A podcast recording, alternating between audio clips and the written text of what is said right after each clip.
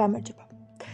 დღევანდელი სასაუბრო თემა არის ურთიერთობები და ურთიერთობაში მთავარი პრინციპები, ან უბრალოდ რა ვიცი, რამდენიმე მაგალითი მაინც. ჩემი დაკვირვებით და გამოცდილებით. და ის, რაზეც ვისაუბრებ, საკუთარი გამოცდილებით ვიცი და ის, რასაც მე ვაკვირდები ჩემს თუ ასე ვთქვათ, ჩემს გარშემო არსებული ადამიანების ცხოვრებაში და რაც მგონია მთავარი. ის რაც მე გამომიცდია თავად, ან ჩემს გარშემო მყოფი ადამიანების ცხოვრებაში დამინახავს და შემიმჩნევია.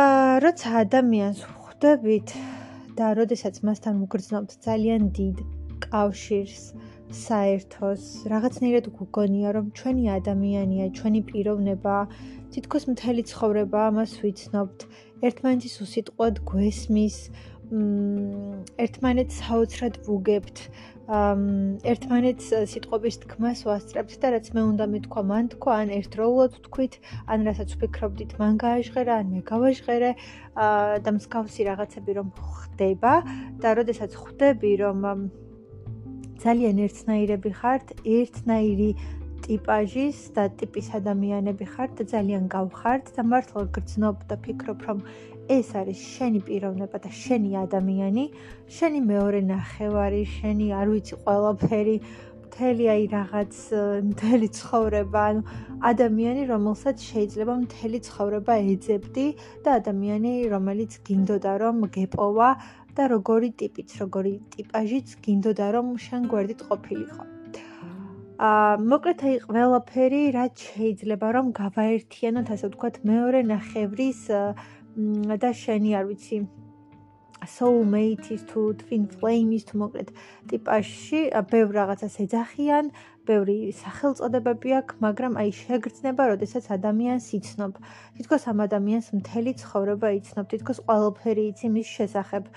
აა თითქოს არ გამოგიტოვებიათ ერთმანეთის არაფერი.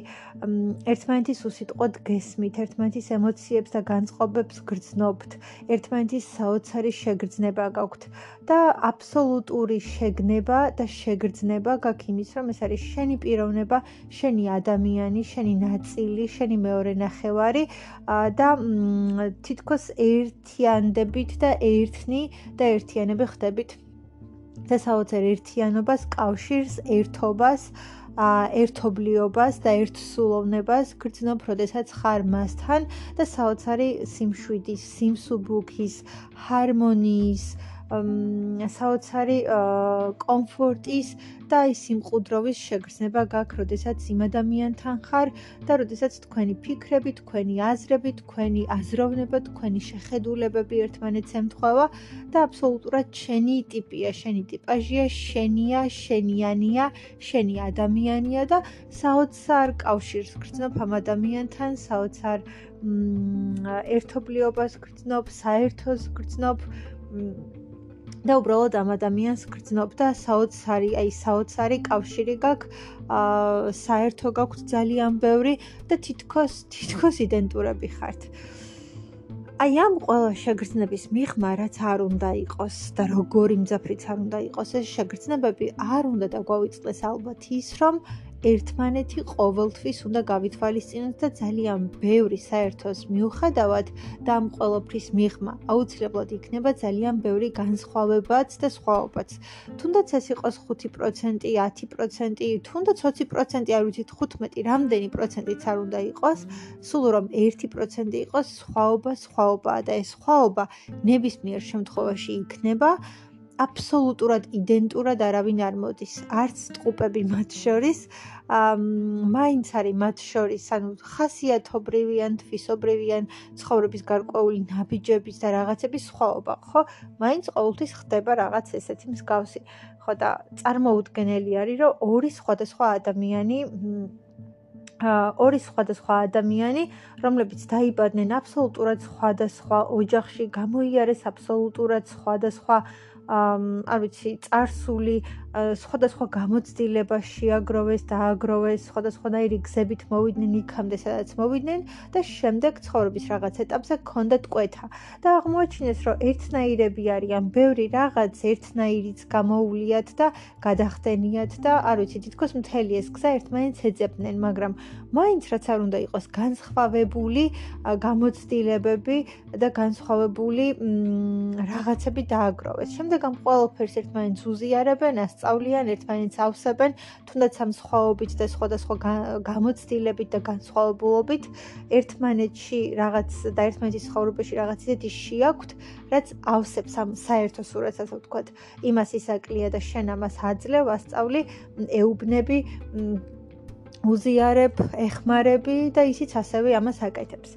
მაგრამ ჩემი აზრით, აი როგორი შენიანიც არ უნდა იყოს მართლა და როგორი შენიც არ უნდა იყოს და შენი ტიპაჟიც არ უნდა იყოს ეს ადამიანი, აი ეს მომენტი არასოდეს არ უნდა დაგვავიწყდეს და უპირობოდ ბოლომდე უპირობოდ არ უნდა მოვითხოვოთ ის, რომ ჩვენი ყოველთვის აბსოლუტურად ესმოდეს და გრძნობდეს და შეგვიგრძნობდეს. იმიტომ რომ გრძნობათა სამყარო თუ ეს ემოციური კუთხე, მაინც ყველა ადამიანს აქვს თავისებური და განსხვავებული. ანუ ის როგორც განვიცდი მე რაღაცებს, როგორც ვიღებ ნებისმიერ შეგრძნებას, ემოციას, განწყობას, გრძნობას და როგორი ემოციური სამყაროც მაქვს მე და ამ ყველა ემოციას როგორც ვიღებ, განვიცდი და ვიმუშავებ და შემდეგ გამაქვს? ყველა ადამიანს აქვს თავისებური. ერთნაირად ვერ ვიგრძნობთ. თლად. განსხვავებული იქნება მაინც ჩვენი შეგრძნებები და ასე ვთქვათ ემოციური მხარე. აქედან გამომდინარე, აი ეს უპირობოდ მოვითხოვოთ ის და უპირობოდ გქონდეს იმის, ასე ვთქვათ, მოთხოვნა, რომ გინდა თუ არა შენ ეხლა ეს ასე უნდა ქნა და გააკეთო და აბსოლუტურად გაიგო და მიმიღო, ყოველთვის არ არის ეს გამართლებული და ყოველთვის არ არის ჩემი აზრით სწორი. და პირველ რიგში ის უნდა გავითვალისწინოთ, რომ როგორი ერთნაირებიც არ უნდა ვიყოთ, მაინც აუცილებლად იქნება ჩვენ შორის სხვაობა და მაინც აუცილებლად იქნება რაღაც განსხვავებული. და აი ამ განსხვავებულს რომ სცე პატივი და რომ ისწავლო ყოველფრის გათვალისწინება, რომ ისწავლო ყოველფრის მიღება, ეს არის ალბათ უპირობოდ მნიშვნელოვანი.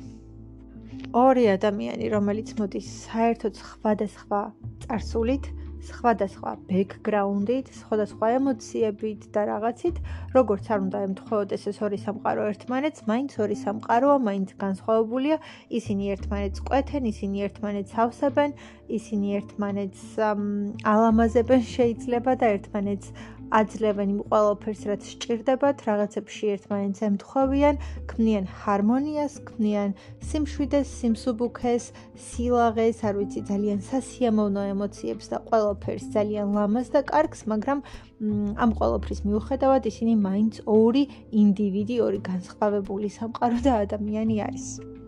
ამ ხო და ერთ-ერთი მნიშვნელოვანი რაც მგონია არის ამ სხვაობების პატივის ცემა. 1% იქნება მართლა 10 5 15 20 თუ უფრო მეტი 30 ამას არ აქვს გადამწყვეტი მნიშვნელობა.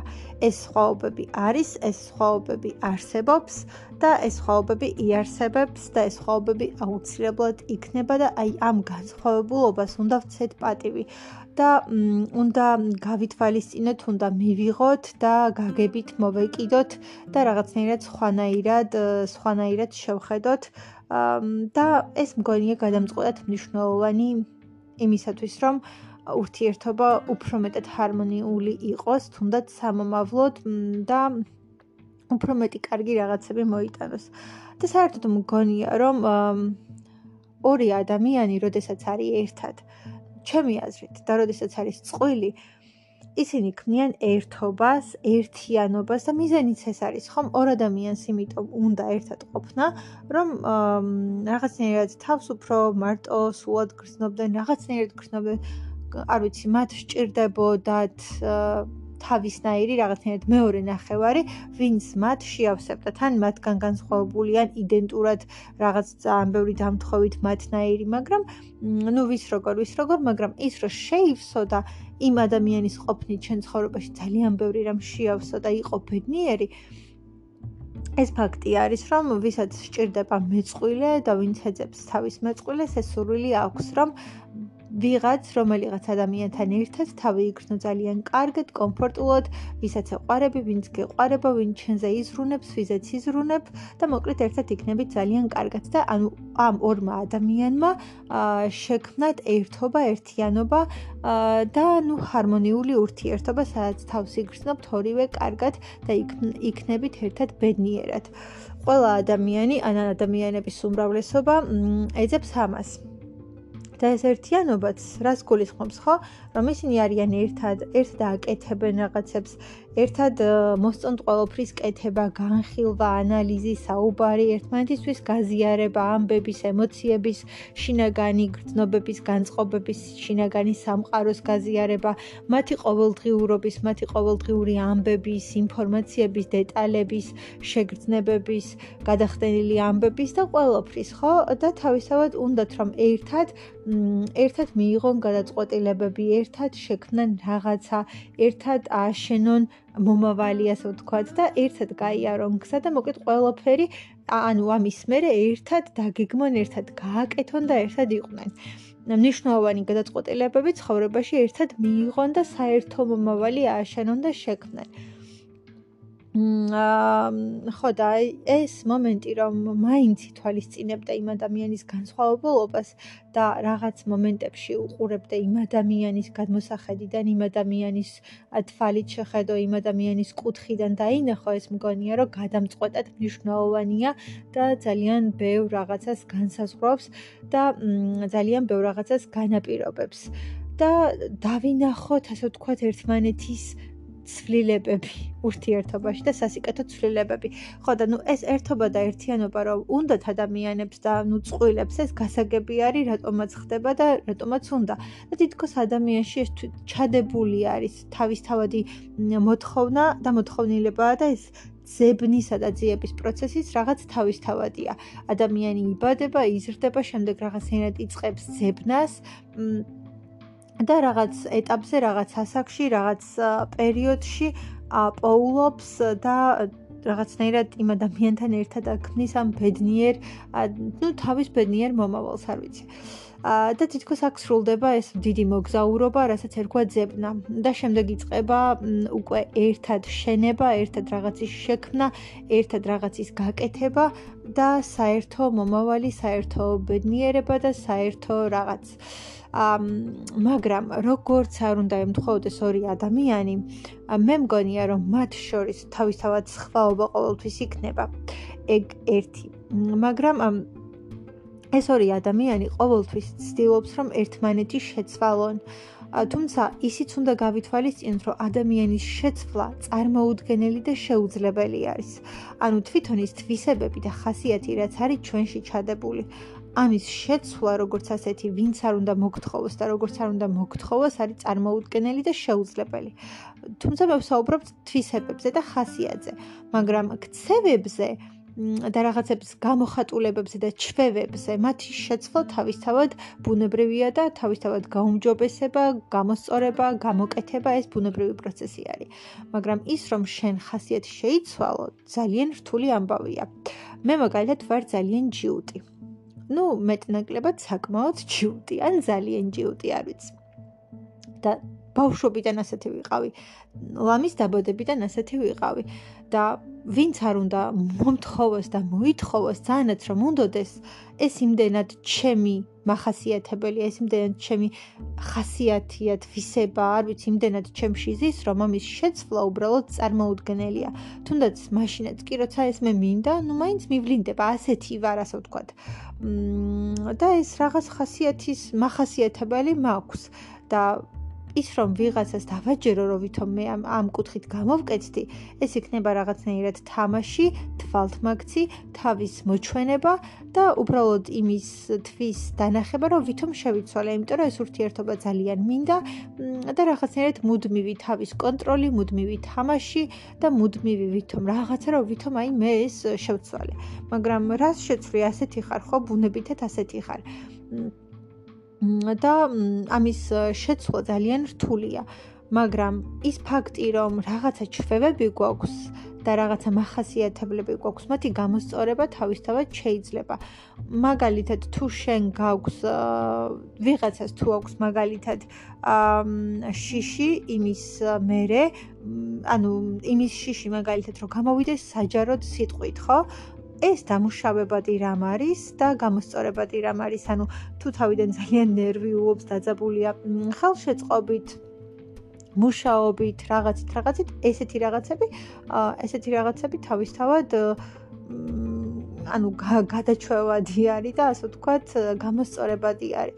ანუ გააჩნია ჩვენ რის შეცვლას ვითხოვთ იმ ადამიანისგან. ხო და ეს შეცვლა ორ ადამიანს ერთმანეთის მგონია რომ ყოველთვის უნდა ერთმანეთში რაღაცების გადაკეთება, გამოსწორება, რაღაცნაირად ესესი არ მოგწონს და გინდა რომ რაღაცა სხვანაირად იყოს, ესე რომ გამოხატავდეს თავს, ესე რომ იქცეოდეს, ესე რომ გექცეოდეს, ესე რომ აკეთებდეს რაღაცას და არის მათ შორის ძალიან დიდი სხვაობა, გააჩნია ჩვენ რას ვითხოვთ. პიროვნების გამოცვლას და პიროვნების გადასხვაფერებას და პიროვნების შეცვლას თუ გულისხმობთ და ამას თუ ვითხოვთ, თავისთავად წარმოუდგენელია და შეუძლებელია, მაგრამ თუ ვითხოვთ იმას, რომ ეს პიროვნება უბრალოდ გამოსწორდეს სასიკეთოდ თავისი ანუ ჩვევებით, თვისებებით და מחასიათებლებით, რაც შეიძლება რომ უკეთესობისკენ შეიცვალოს და მისი ცხოვრებაც უკეთესობისკენ შეცვალოს ამ ყველაფერმა, ეს რა თქმა უნდა კარგი არის.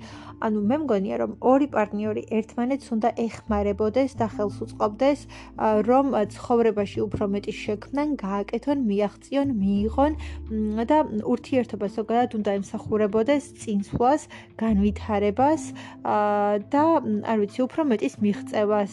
წინ წასვლას, წარმატებებს, წინსვლას, განვითარება უნდა მოქონდეს ამ ურთიერთობას, უფრო მეტი სიღრმე უნდა შეგძინოს და უფრო მეტად კარგი უნდა გაგხადოს და შენი თავის საუკეთესო ვერსია უნდა გახდე და შენი თავის საუკეთესო ვერსიას უნდა ავლენდე იმ ადამიანთან ურთიერთობის ფონზე იმ ადამიანთან ურთიერთობის გამო და ანუ არ ვიცი აი იმ ადამიანს იმდენად კარგი რაღაცები უნდა შემოქონდეს შენს ცხოვრებაში და იმდენად კარგი გავლენა და იმდენად კარგი ზეგავლენა უნდა ქონდეს რომ შენ და ორივე ერთად ერთად ხდებოდეთ უკეთესები, ანუ რაც იყავით და როგორიც იყავით, ბევრად უკეთესი ვარიანტები და თავისთავად ერთმანეთს ეხმარებოდეთ, აძლევდეთ ძალიან დიდ мотиваციას, აძლევდეთ ძალას, ეხმარებოდეთ, ხელს უწყობდეთ, მ იმაში რომ მიაღწიოთ უფრო მეტ წარმატებას, მიაღწიოთ უფრო მეტ წინსვლას, რომ უფრო დიდი განვითარება გქონდეთ, ყველანაირი განვითარების კუთხით, ანუ მასულიერების კუთხით, სულიერებაში ხა სხვადასხვანაირად შეიძლება ზოგადად კიდე სიტყვა გავიგოთ, მაგრამ ანუ უფრო ღრმა ადამიანები რო გახდეთ, უფრო, არ ვიცი, რაღაცნაირად უფრო კარგისკენ რო შეიცვალოს ნებისმიერი თვალსაზრისით თქვენი ცხოვრება და უფრო მეც მიაღწიოთ, უფრო მეტი მიიღოთ ცხოვრებაში უფრო მეტი წინსვლა გქონდეთ, წარმატებები გქონდეთ, სასიკეთოდ შეიცვალოს თქვენი თვისებები, ხასიათი, מחასიათებლები, ნებისმიერი გამოვლინება, უფრო კარგი თვისებები წამოიწიოს თქვენი წინ და ამ კარგ თვისებებს ავლენდეთ ამ ყოველფრის შემდეგ, აი ეს არის მნიშვნელოვანი. და ამ კუთხით თუ ითხოვ შეცვლას და თუ გინდა რომ რაღაცები შეიცვალოს იმ ადამიანში თუ ხედავ რომ რაღაც არის რაც ასე ვთქვათ ამ ადამიანს ნუ დასამუშავებელი აქვს და შენ ეხმარები ამ ყოველფრის დამუშავებაში, გამოსწორებაში, დანახვაში და ყველანაირად გვერდით უდგახარ და მხარში უდგახარ, ეს რა თქმა უნდა ძალიან კარგი არის და ურთიერთობისთვის არის პირველ რიგში სასიკეთო. და ის მომენტი და ის ფაქტი რომ ორი ადამიანი ერთმანეთისგან ყოველთვის ითხოვს რაღაცები ადამიანების შეცვლას, გამოსწორებას, გადასხვაფერებას, ესეც ფაქტია, მაგრამ გააჩნია გააჩნია რის შეცვლას ვითხოვთ. რა გვინდა რომ შეიცვალოს? თუ პიროვნების შეცვლას ვითხოვთ, პიროვნება არ შეიცვლება. მაშინ ესე იგი ჩვენ საერთოდ სხვა ტიპაჟი და სხვა პიროვნება გვინდა და რაღაც ძალიან გვეშლება და გვერევა. თუ ეს ადამიანი მიუღებელი არის თავისი დადებითი თვისებებით იქნება თუ ნეგატიური და უარყოფითი თვისებებით, ესე იგი ეს არ არის ჩვენი ადამიანი და რაღაცას ვაძალებთ თავს და რაღაცენად თავზე ვახვევთ.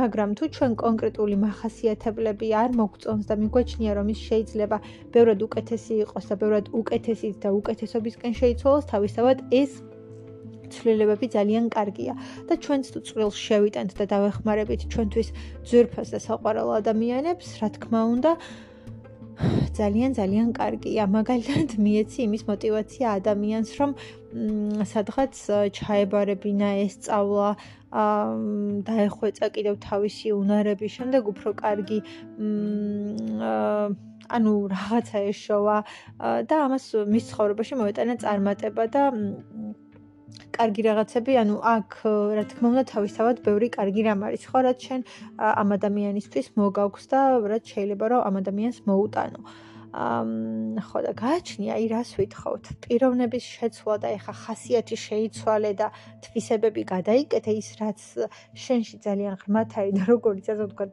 დაიბადე რაღაცნაირად და გაჩნდი და რაც დაყვება აი თავიდანვე ეს რო გქონდა ეს ახლა წაშალო შენ თავში ძალიან რთული არის და ზოგიერთი თვისება არის ჩვენ თავად არ მოგწონს და გვინდა რომ ვითომ გამოვასწოროთ, გამოვაკეთოთ, მაგრამ იმდენად ღრმად არის ჩვენში ეს ყველაფერი, რომ ხანდახან უნებურად, უნებლიეთ გვივლინდება და მაინც ვაკეთებთ და ვერ ვაკონტროლებთ, ანუ თავადაც კი ვერ ვაკონტროლებთ და ეს ძალით და მოჩვენებითად რაღაც შეცვალო, ეს თავისთავად ძალიან რთულია.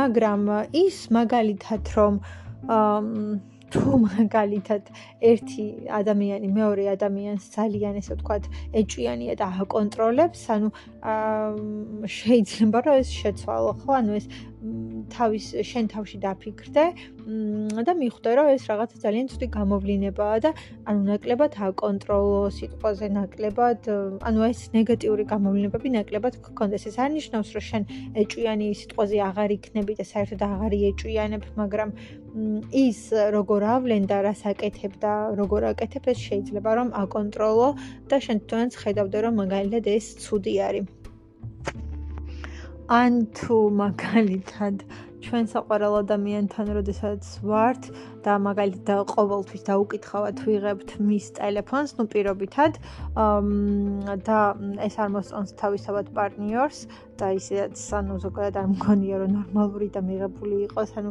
დაუკითხავთ ადამიანის ტელეფონში ან ჩაძრომ ან რაღაცის ნახვა ძალიან დიდი უპატივცემულობა არის პირადი სივრცის ჩემი აზრით.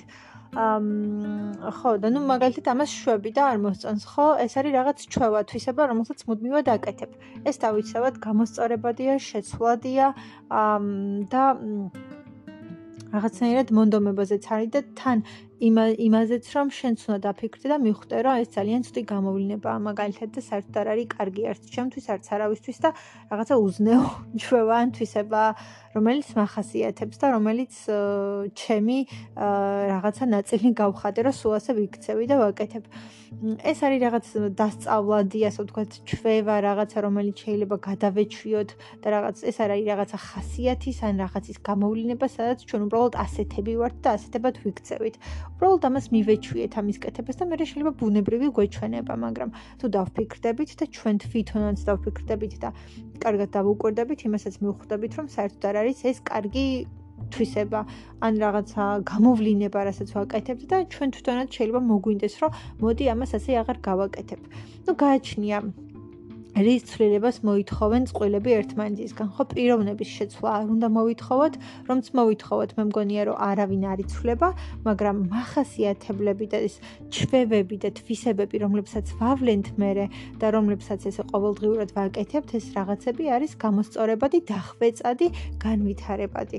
და თუ ორი ადამიანი ერთმანეთს ხელს უწყობს იმაში რომ ისინი განვითარდნენ თუ ორი ადამიანი ხელს უწყობს იმაში რომ წინ წავიდნენ და უნდათ რომ უფრო მეტი წინსვლა წარმატება და განვითარება გქონდეთ და ძალიან დიდი სიტბოთი და სიყვარულით ერთმანეთს ხელს უწყობენ ზუსტად იმაში, რომ უფრო მეც მიაღწიან, უფრო წინ წავიდნენ ყველანაირი თვალსაზრისით და კუთხით ეს იქნება სწავლა განათლების კუთხით, ეს იქნება სამსახურეობრივი კუთხით, ეს იქნება თვითონ იმ ადამიანის სრულებიდან გამომდინარე თუ რაც არ უნდა იყოს, თუ ვეხმარებით მეორე ადამიანს წინსვლაში, განვითარებაში ან იმ პრობლემატური საკითხების მოგვარებაში, რომელიც მას წინ უდგას და ჩვენ გვინდა რომ ჩვენი ჩართულობა ამ ყველაფერში გქონდეს და ჩვენ გვინდა რომ ამ ყველაფერში დავეხმაროთ და ჩვენ გვინდა რომ ეს ყველაფერი მან გადალახოს, დაძლიოს და დახვეწოს, ეს ძალიან კარგია.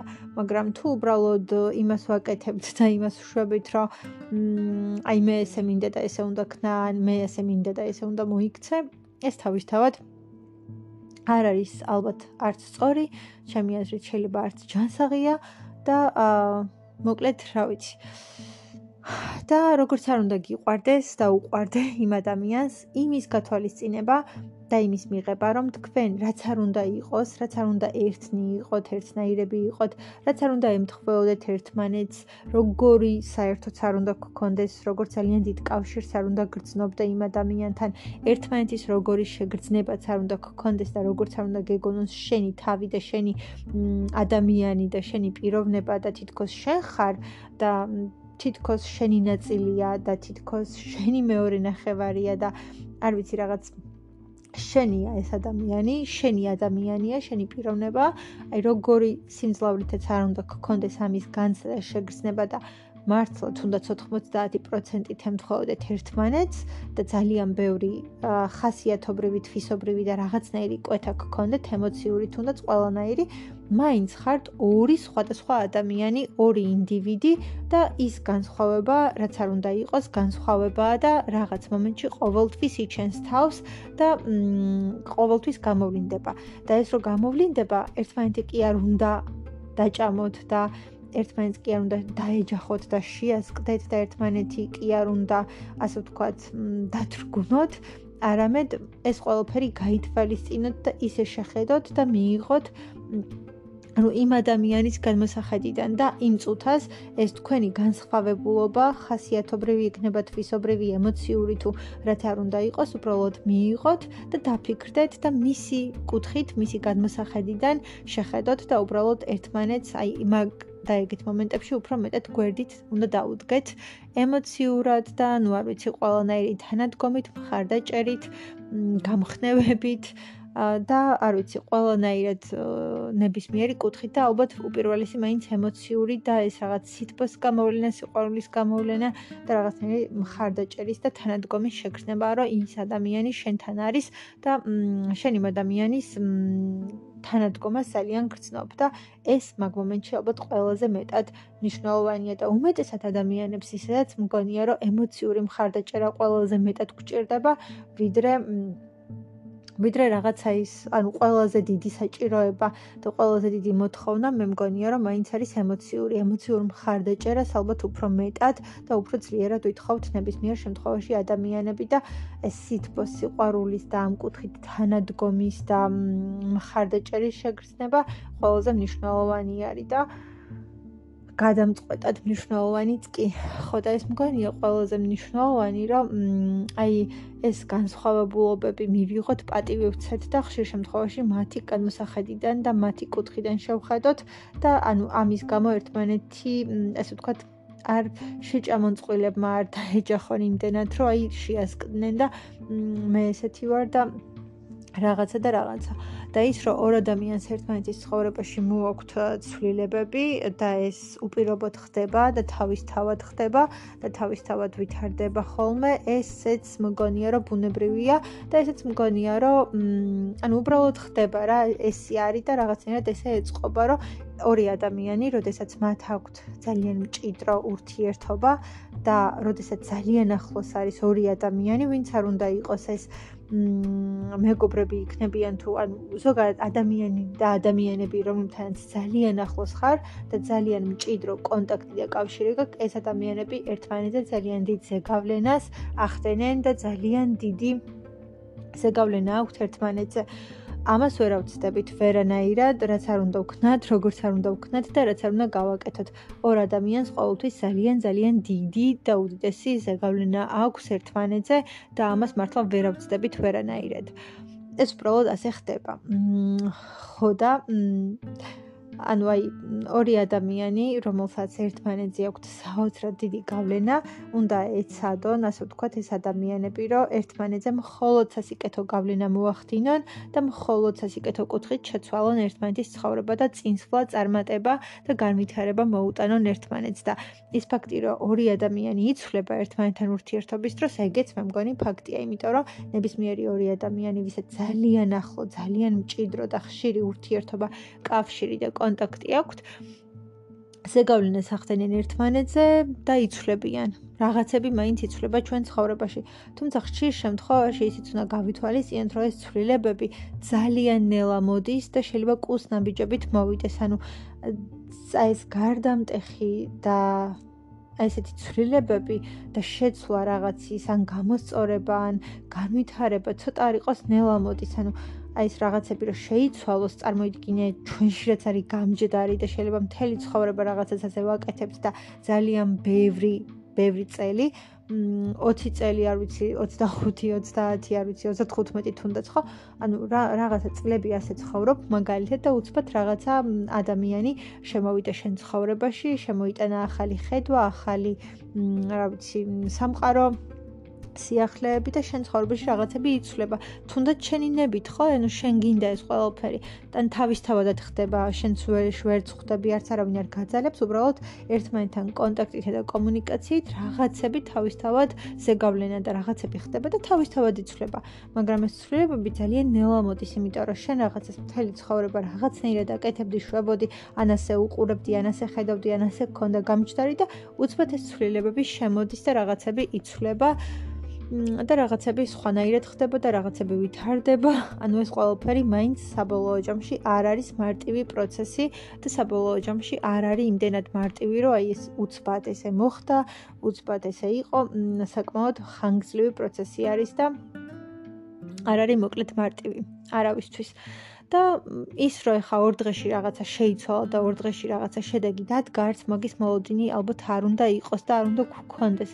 იმიტომ რომ როგორც წესი ეს ცვლილებები მოდის ძალიან ნელა. და ეს რაღაც ნაბიჯ, ნაბიჯ, ძალიან პატარ-პატარა რაღაცებით და ძალიან ნელ-ნელა იცვლება. და ნუ სადღაც საბოლოოდ ამ ცვლილებას და ამ რაღაცას ვხედავთ და ამის აღქმა თავისთავად ხდება. მაგრამ ხო ნუ ეს ცვლილებები რაღაცა ძალიან ნელა მოდის რა, ანუ ესე უცბად ეს ცვლილება რაღაცა დადგა, მაინც და მაინც ასე არ ხდება და აა არ ვიცი, ზოგადად მართლა მგონია რომ ორი ადამიანი, როდესაც არის ერთად და როდესაც ისინი არიან ასე ვთქვათ, წყვილი, აა ეს ორი ადამიანი უნდა ცდილობდეს, რომ რაც შეიძლება მეტი, კარგი, მეტი სიკეთე მოუტანოს ერთმანეთს წარმატებაში, წინსვლაში და განვითარებაში დაეხმარონ ერთმანეთს და ზოგადად ურთიერთობა მაშინ მგონია კარგი და ჯანსაღი, როდესაც ეს ურთიერთობა განვითარების კუთხით მიდის. ორივე ადამიანი თავისთავად ვითარდება და ზოგადად ეს ურთიერთობა წინ მიდის, ვითარდება და მხოლოდ სასიკეთო ძვრები და სიახლეები მოაქვს და ურთიერთობა, როდესაც იწყებს გაყინვას და ერთადგილას, ასე ვთქვათ, დაჭაობებას, იქ იყინება ყველაფერი და რაღაც თაგნით ხდება ყველაფერი და ურთიერთობა როდესაც ვითარდება თვითონ სიტყვა განვითარებაც ამას გულისხმობს, რომ განვითარება, ანუ რაღაც წინწასვლა და წინწაწევა არის ყოველფრის და უფრო მეტი სიღრმის შეწენა, უფრო მეტი რაღაც კარგი რაღაცების მოტანა და როდესაც ვითარდება თავისთავად ძალიან კარგი არის ურთიერთობისთვისაც თავისთავად და იმ ორი ადამიანისთვისაც, რომლებიც ამ ურთიერთობაში არიან და შემდეგ უკვე ამ ორ ადამიანს და ამ ადამიანებს და ამ წყვილს ხვებისთვისაც ძალიან ბევრი კარგი რამ მოაქვს და ერთმანეთის ხოვრებაში და მათ გარემომცველ სამყაროში შეაქვთ სასიკეთო ძვრები და სიახლეები და ნუ ყოველთვის მგონია რომ კარგი არის და სასიკეთო არის და ზოგადად მგონია რომ ურთიერთობას პირველ რიგში რაც უნდა მოქონდეს ეს არის განვითარება თვითონ ურთიერთობაც უნდა ვითარდებოდეს ის ორი ადამიანიც ვინც ამ ურთიერთობაში არის და თვითონ ეს წყვილი ერთმანეთს უნდა უწყობდეს ხელს რომ განვითარება და წინსვლა მოიტანოს ამ ურთიერთობამ და მხოლოდ ერთმანეთის სასიკეთო რაღაცებზე უნდა ფიქრობდნენ და იყვნენ მოტივირებული მოტივირებულები.